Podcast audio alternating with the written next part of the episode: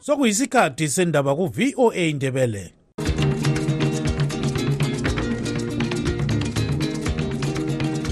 amatshono zihlobo siyalamukela kuhlelo lwethu lwezindaba eziphathelane lezimbabwe. Kustudio 7 eya voice of america sisakaza sisewashington dc olamukela kustudio 7 ngesonto mhla ka-18 kuhlolanja 2024 ngogabes dube endabeni zethu lamhlanje abakucelela esesisi eliphansi elikhokhelwa ngumnumzana jameson timber bathi kuyayangisa ukukhethwa kukamnumzana kwashime ncube lomnumzana tentayipili ukuba bakhokhele ibandla leli lake labona iloja elixotsha ulandlord endlini. Ukuthi uyathi usuliloja usufike waloja kumbe wahlala kumbe okwemamansi usufuna ukuthi usuthathela umastanda indawo yakhe. Kungeke kwenzakala khonoko wakucele kamnumzana sengesojabangu wawala lokho ukuthi sokukhethwe ababili laba kanye lo-linet karinye kakonye sikhangele okokuqala umkhuhlane wekholera lo okwenza idolobho lakobulawayo. Sibe lohlelo lona lolu lokuthi kasikhipheni-ke labo abathengisa ngokungekho emthethweni ezindaweni ezingavunyelwanga i-city council. Ikhansili yakobulawayo ithi izasusa abantu kusasa abathenga bethengisa impahla emgwaqweni ibahambise endaweni ezisemthethweni. Zalethulela izamatsha lezokholo lwesikristu zonke lezi ndaba lezinye lizozizwa kulo msakazo.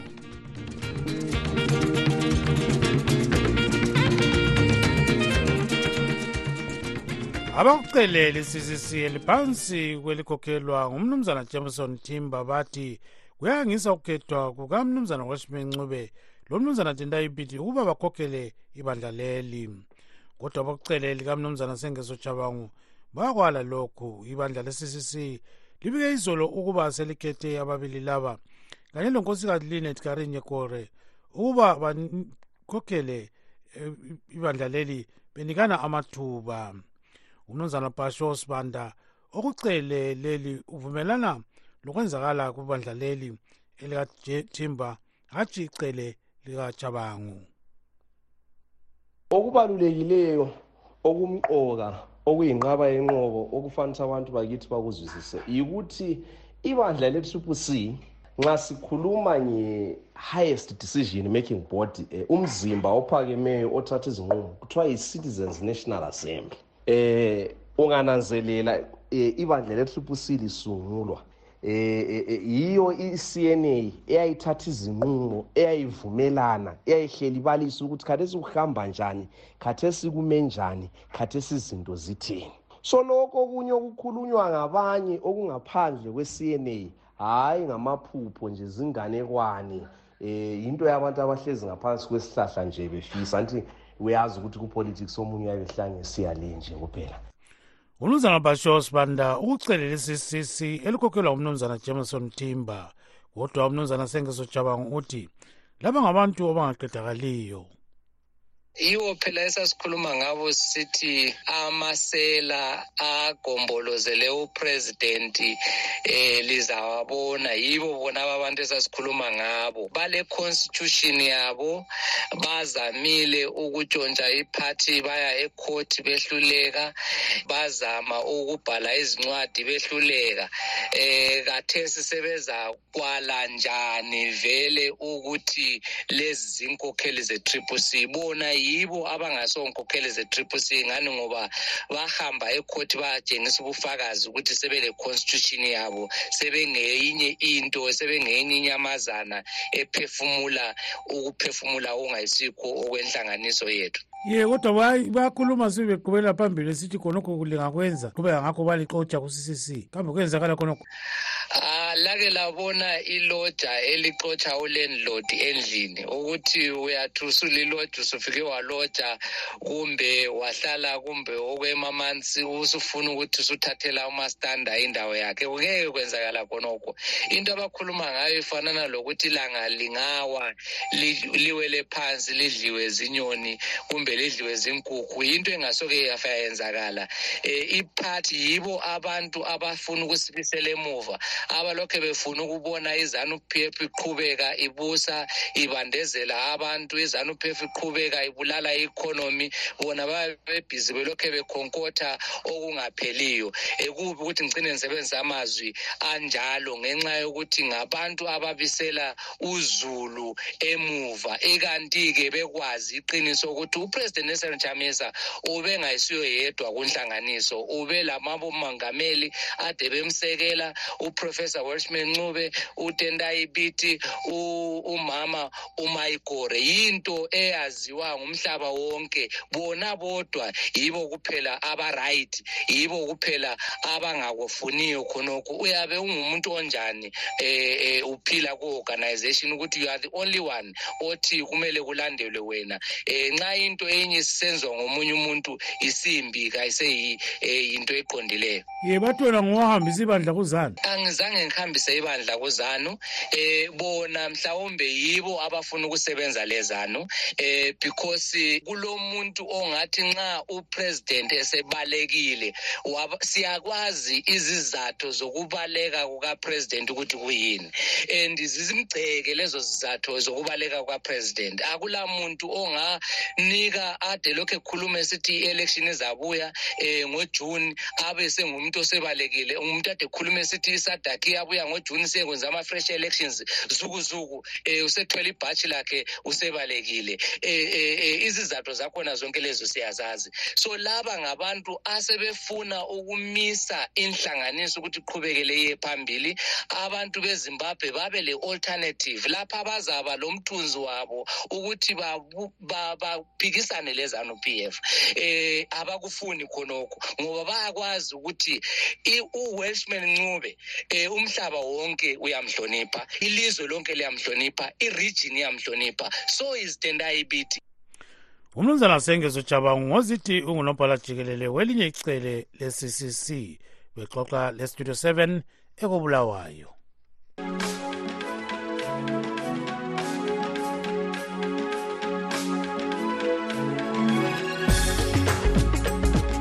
Uhlelo lwe-live talk ngomvulo mhla ka-19 ngo-8 pm sizabe sixoxa ngokuqatheka kokulima izilimo ezivuthwa masinya loba kungelazulu elaneleyo njengalo nyaka ezifana lenyawuthi lamabele.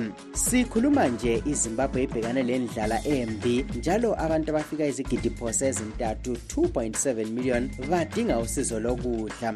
Kambe ingaqedwa njani indlala ngalesi sikhathi sokuguquka komkhathi?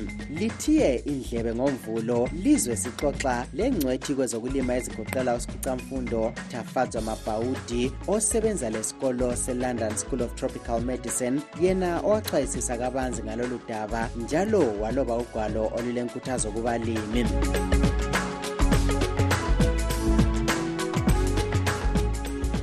Ikhansili yakobulawayo ithi izasusa abantu kusasa abathenga bethengisa impahla emgwaqweni ibahambise endaweni ezisemthethweni. Lokhu kwenzakala ngesikhathi kulabanye njalo abasuswa emadolobheni atshiyeneyo. Sixoxe ngodaba lolu lomsekeli kameya wakobulawayo umnumzana edwin ndlovu njengedolobho lakobulawayo sikhangele okokuqala umkhuhlane wekholera lo osumemetheke kakhulu elizweni okhona njalo kumazwekazi esadik. Um bese sikhangela njalo lokungcola okwenza idolobho lakobulawayo. Sibe lohlelo lona lolu lokuthi kasikhipheni-ke labo abathengisa ngokungekho emthethweni ezindaweni ezingavunyelwanga yi-city council. Bese sikhipha njalo lalaba bemtshova bemshikashika abathwalela ezindaweni okungavunyelwananga yi-city council council luhlelo ke esiphakathi kwalo ke sesibaphile ke esingathi notice ukuthi basuke kulezo ndawo ngoba nxa bengasukanga ke ikhansili ke isizayenze kokubakhipha ke ukuthi basuke kulezo ndawo. Laba abathengisayo kakhulu ku-fifth avenue savumelana ke laba abakhokhelayo abakhangela ke inhlanganiso zalaba abathengisayo ama-vendors ukuthi nxa bephuma ke kuzasala kulungiswa kuhlanzwa indawo kudwetshwe imizila besekusithi nani elithile lizaphenduka lizothengisa njalo khona lapho. Ngoba sananzelela ukuthi ubuningi babo abanye kayisibo bantu bakobulawayo ngabantu ababuya bezothengisa ebusuku balale ezitaladeni bengcolisa ngoba bengela zambuzi. Bavuke beqhubeka bethengisa nxa abakuthengisayo kungaphela sebebuyela ezindaweni abavela kizo. Yikho sananzelela-ke ukuthi bakhona abanjalo. Yikho sithela babakhokhela-ke inhlanganiso zama-vendors-ke babuye lama-registers abo sibekwazi ukuthi lowo ngowabo lowo ngwalapha kobulawayo. Nxa sokulungisiwe-ke kwadwetshwa imizila-ke bazabiselwa-ke bathengise sokuyinto esemthethweni. Le mali abayibhadalayo sithathwa ngukhansela ye kodwa-ke siyabona likwenze khonokhu abanye vele bangasoze bethola indawo lezi ngoba ningi kakhulu phela bakuya ngaphi? Hayi kakho ngasoze athola indawo. Sizazama njengedolobho ukuthi sibone ukuthi abantu bathole izindawo zokuthengisela. Okunye sikwenzayo silohlelo lokudecentralize phela kungathengiswa edolobheni kuphela e-cbd sile mkambo esizayivula enkulumani complex entumbani complex kizo zonke nje izindawo zemalokishini abanye bazakuyathengisa kuzona lezo ndawo.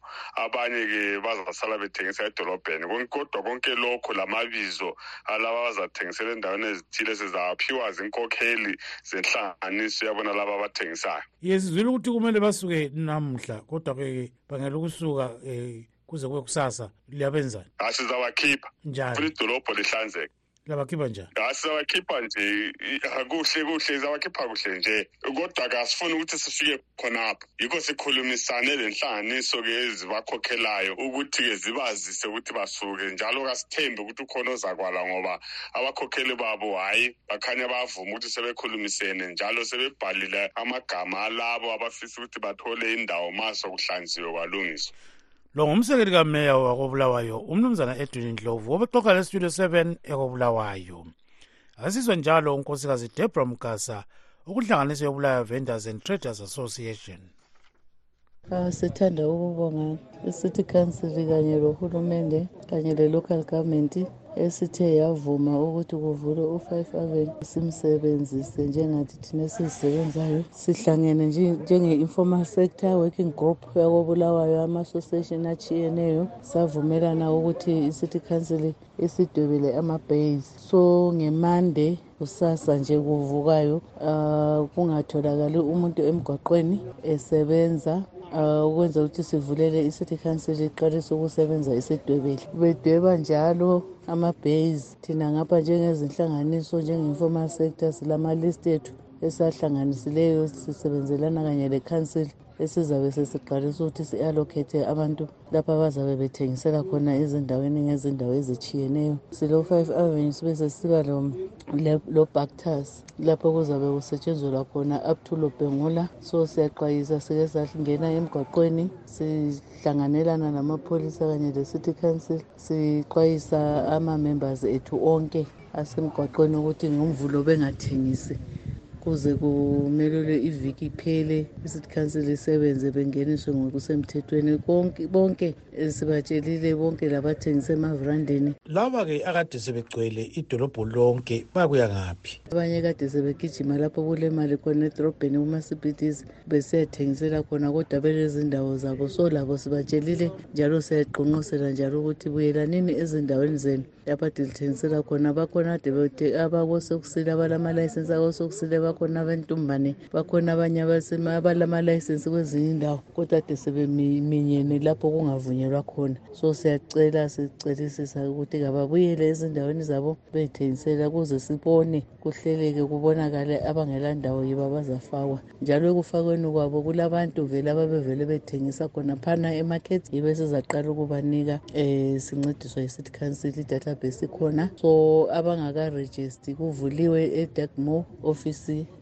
ekubush street um duzane legodini laphana ukuthi begijime beyebhalisa ukuze bebe ku-waiting list. Njalo legodini sokwavulwa bakhona labo abangena khona exercises being done yokuthi abantu beverifye bengene bethengise. So siloyisa ukuthi sibe lobulawayo omuhle obulawayo clean obulawayo ozasinika isanity eright. Sinanzelela ukuthi sile-cholera kulezi nsuku sihle siyivimbe masinyane um kubulawayo kade ingakabhahi kangako. So sizama ukuvala sikline ibulawayo yethu. Ebuyele kube ngubulawayo nalwana wama-kings and queens. Singananzelela ama-kings and queens ngabantu abahlala besimati so lathi sifuna ukuthi sihlale sismart unkosikazi debra mkasa okunhlanganiso yebulawayo vendors and traders association sixoxe laye ekobulawayo.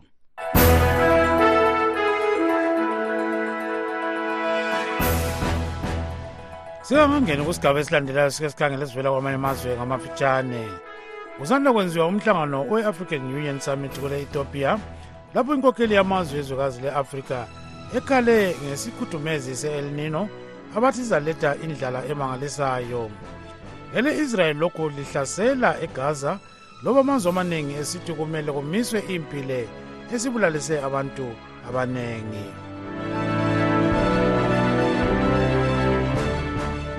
yes singathi-ke ezamasiko sizalilethela ngeviki ezayo sike sizwe kwamanje okuphathelane lezokholo lwesikristu.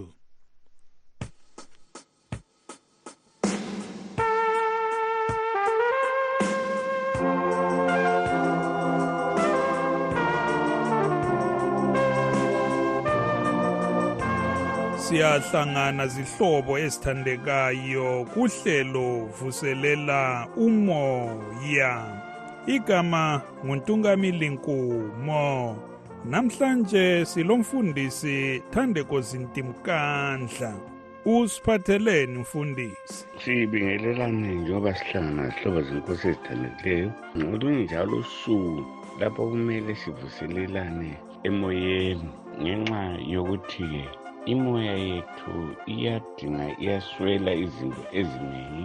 Namhlanje-ke sizavuselelana ngokuzwa ilizwi ngokubhala kukaluka eh isahluko sesifica mnembili esesiyangalombili indima yamashumi amabili nantathu siye kuma endimeni yamashumi amabili lane uluka isahluko sika-8 ivesi ngu-23 lo-24 kufundeka kanje kuthe besahamba ngomkhumbi walala ubuthongo kwehlela-ke isivunguvungu somoya elwandle bagcwala amanzi baba sengozini verse 24 base besondela bamvusa bathi nkosi nkosi safa.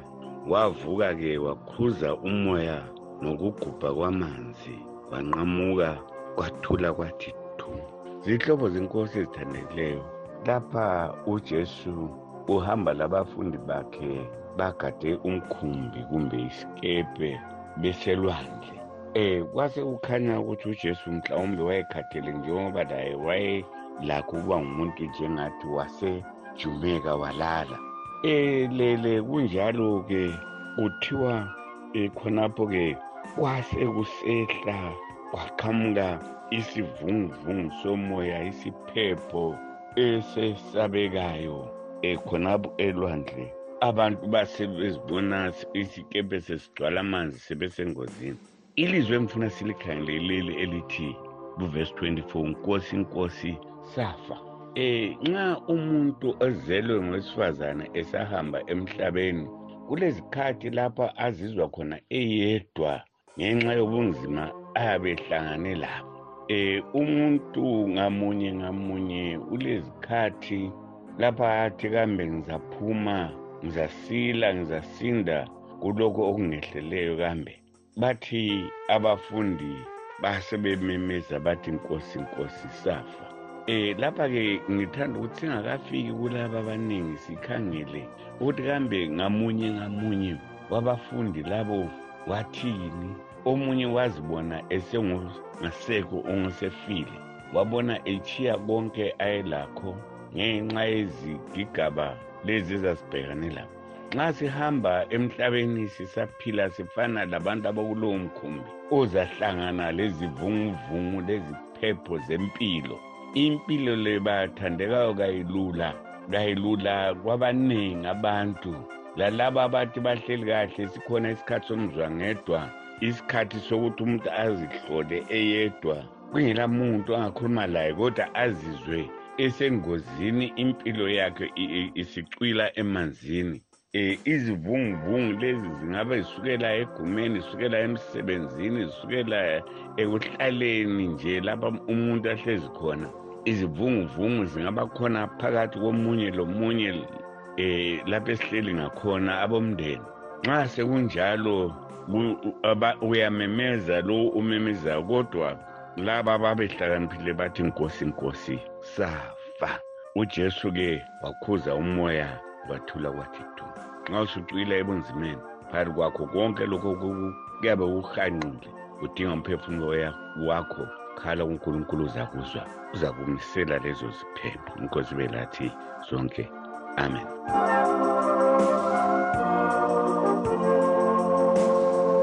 Lolo bekulohlelo vuselela umoya. Silomfundisi thandeko sintimkandla thiyani indlebe kuhlelo lunye ngeviki ezayo. Lilami untungamili nkumo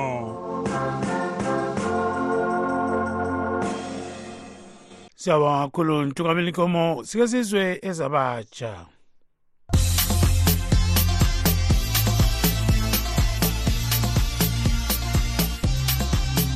Siyalamukela kusigaba sabatsha. Igama lami ngutabo kancube. Namuhla sixoxa lomnumzana christopher fundirwa oyisifundi ekolitshini ye-national university of science, science and technology nast kobulawayo njalo elwela amalungelo ezifundi. Indubo esihlangana lazo njengabafundi kwelezimbabwe sibalela izikolo phose zonke nje esezimbabwe. Sibalela o-msu uz harare poly blawayo poly mutare poly nasti zonke nje izikolo ziyafana. Indubo esihlangana lazo ziyafana. Udubo olukhulu kakhulu kulawo wonke ludubo lwefees. Kunje so abazali bethu abaningi bahola i-rtgs abanye bahola rtgs le-usd le, le bara abaningi balutshwane kakhulu abahola i-usd yodwa. Kodwa nje kunjalo still izikolo lezi zibuya zithi zona zifuna ukubhadalisa i-usd yodwa. Abanye bayatshintsha bethi bafuna 60 percent usd 40 percent rtgs kodwa nxa sikhangele ipercentage yangikhona intengo yangikhona iyabe ilokhu iphezulu kakhulu. Sikhangela lenhlawulo ephiwa abazali bethu. So lolu ludubo olukhulu kakhulu yilo nje esihlangane lalo esihlangana lalo kakhulu. Kuyini obona sengathi kufanele kwenziwe ukuze kuqedwe indubo lezi. Yiziphi izinto ezingenziwa ukuthi indubo lezi zibe ziqedwe? Into okumele ilungiswe nje kuphela ezimbabwe njengabafundi. Sicela ukuthi njengoba izikolo lezi nxa zithi zona ziyatshaja ifees yokufunda kumele bekhayele isimo selizwe. Ngoba kunje abantu abaningi bahola imali ezincane. Ungabuza ukuthi indawo behola imali ezincane uzwa kuthiwa yisimo selizwe. Kodwa nxa sebetshaja bona ifees abasakhangeli isimo selizwe lesi. Abasakhangeli ukuthi bangaki ama-students akwanisa uku-afforda lokhu. Liyakubona abasakhangeli ukuthi bangaki ama-students akwanisa ukuthi athi esebenza ngapha ezibhadalela ifees. Balutshwane kakhulu kungenxa yesimo selizwe lesi. So sithi thina ifees yethu echajiwa ezikolo le ingakhompeywa le fees eyayibhadalwa ngo-2013 2014 that was a different time. So kuyamele kubhalanse-ke ifees ebhadalwayo le mali ezihola abantu kumele uhambelane. Hatsho ukuthi intengo yokubhadala ifees iye three times isalary yomzali. Hhayi awuhambelani ngitsho abanye bathi eh ekumeleni izifundi ligcina selingena kwezepolitiki lina lithini ngalokho? Njengabameli babafundi thina esabe sikulwisa kuphela ngamalungelo abafundi. Asikaze sithi thina siyangena kukwezepolitiki zelizwe ngoba akusekeli isifice sikhuluma ngama-national elections loba sikhuluma ngokwe-government hatshi. Okusiyabe sihluphana lakho kuphela ngabakhokheli bama-institution lawo awe-tertiary education. Ngakho-ke kwezelizwe hhayi thina asingeni ezimbabwe national students union. Sikhangela umsebenzi eliwenzayo lowu eh okumela izifundi kulethemba na ukuthi izinto zingalungela izifundi phambili? Ithemba likhona sibili. Ithemba silalo. Kungasithemba ngaba sizami lokuzama.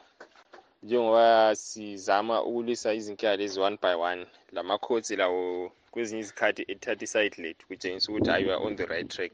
Lilanga nje kuzalunga. Ithemba likhona sibili. Sibone lisiya emadala wezomthethwandaba lahambisa njalo ipetition eh likhuluma ngodaba lokubhadalwa eh, kwemali zesikolo ngama-us dollars kuphela. Kuke kwaba lempumela eharare poli lapho-ke sinqobile sinqobile sibili. I-petition yethu esayihambisa ecourt basivumela ukuthi hhayi ama-students they are in the right. The institution cannot charge exclusively in usd ngakho-ke hhayi lapho sinqobile sibili impela. Kusigaba sabatsha namuhla besixoxa lomnumzana christopher fundirwa oyisifundi ekolitshini le-national university of science and technology nast kobulawayo njalo emela amalungelo ezifundi. Asihlanganeni ngesikhathi esifanayo ngeviki ezayo. Olivalelisayo ngutabo kancube. Le yistudio 7 esakaza ezimbabwe lesizwa siphuma ngapha i-voice of america ewashington.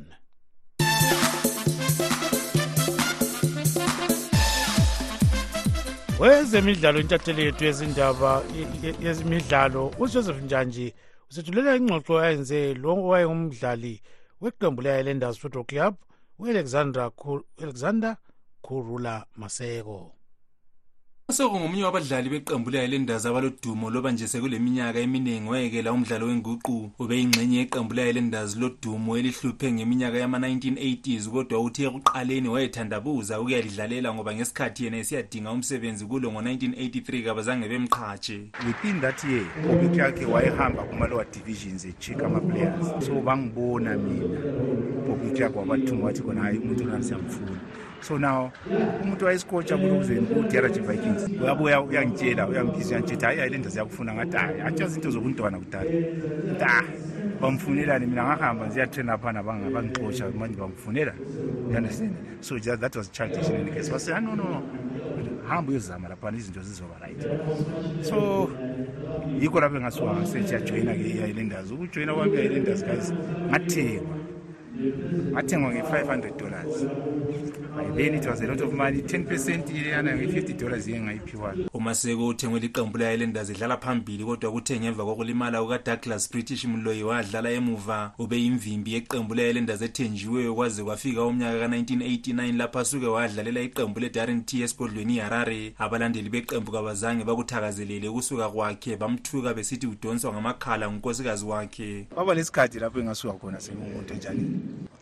just to spread wings. Mntahamba abandebele babesithi khona hey yabona itshona lelana selithatha umaseko manje sikulalela ithimba kwakuyisikhathi sakhona lesi so ngase ngifuna ukukhuphuka nje just to do something different. Ngase wangadlalela itarent nxa iteam ibuye izodlala iharare ngangihamba siyababona angibabona laphana then the next thing omesithi sibebuye bethi hayi ndoda kubephi hayi ngadlala kuphela one season. Back 1990 sasesiwini league. Uphinde wabuyela njalo esigodlweni. Umaseko esethwele umsebenzi kwenye inkampani khonale njalo uthi ukubuyela kwakhe kwadala ukuba agcine echiya iqembu le-islanders ngoba engasadlaliswa. Ngaphinda ngabuyela back. Eharare sengithola umsebenzi. Ukuyela kwami eharare laphana babe singasamfaki elokuzeni ethimini like usual. Ama-supporters athi nakhona no umaseko umuntu wethu angeke ayandawo so umaseko kumele atraine ngaphi eharare. Siyabe sibuya simphike ngama-games so kusenzakala khonokwana um uroy barreto wasn't happy about setup. So i remember the game eyangenza ukuthi ngizonde kakhulu. It was igame sisiyadlala lethanganda. Basishaye three not. Uwilate edifenda mina nhlele ebhenki ngingadlalanga so by then kule game esayidlala egwero kwabuya iscout esasivele esouth africa. Decide ngihamba ngale one week. Siyabona ukuthi into zinjani hayi ngale bafika bajabula kakhulu. Hayi yikho lapho kwaqala sokusenzakala-ke ama-transactions the reason why i-transaction yakhona yayenzani? Yaphumelela is because nami ngase ngasadlala ama-games according to indlela engangiyifuna. Umaseko uhambe kwele south africa wadlalela iqembu lemamelodi sundowns kwaze kwafika u-1996 lapho wathatha impentsheni ngemva kokulimala idolo esuka lapho waba ngumqondisi wenkampani eyenza okwamakhalekhukhwini kulezi nsuku uphatheke kunhlelo zokuphathisa abadlali bakwele zimbabwe abasadlala lasebachiya umdlalo wenguqu kwele south africa. Ngiyimele istudio 7 kobulawayo ngingujoseph njanjini singakakhulu joseph njanji olivalise emoyeni umthembo sithemba yogibbs dube kodwa singakayehlukani nakho phela akade kukhona namhlanje. Abakucele ccc eliphansi kulikhokhelwa ngumnumzana jemason timbo bathi kuyangiswa ukukhethwa komnumzana roshman ncube. Lo mnumzana tenda ipiti ukuba bakhokhele ibandla leli. Lilale zulukandaba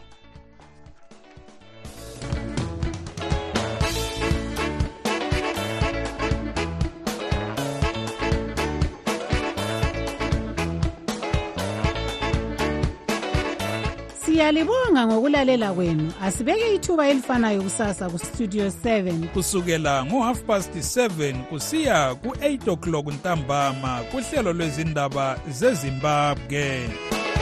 Tinotenda nekuteerera chirongwa chedu. Teererai zvakare mangwana kubva na7 p m kusvika na730 p m. Apo tinokupai nhau mururimi rweshona. Lilani. Murara zvakanaka mhuri yezimbabwe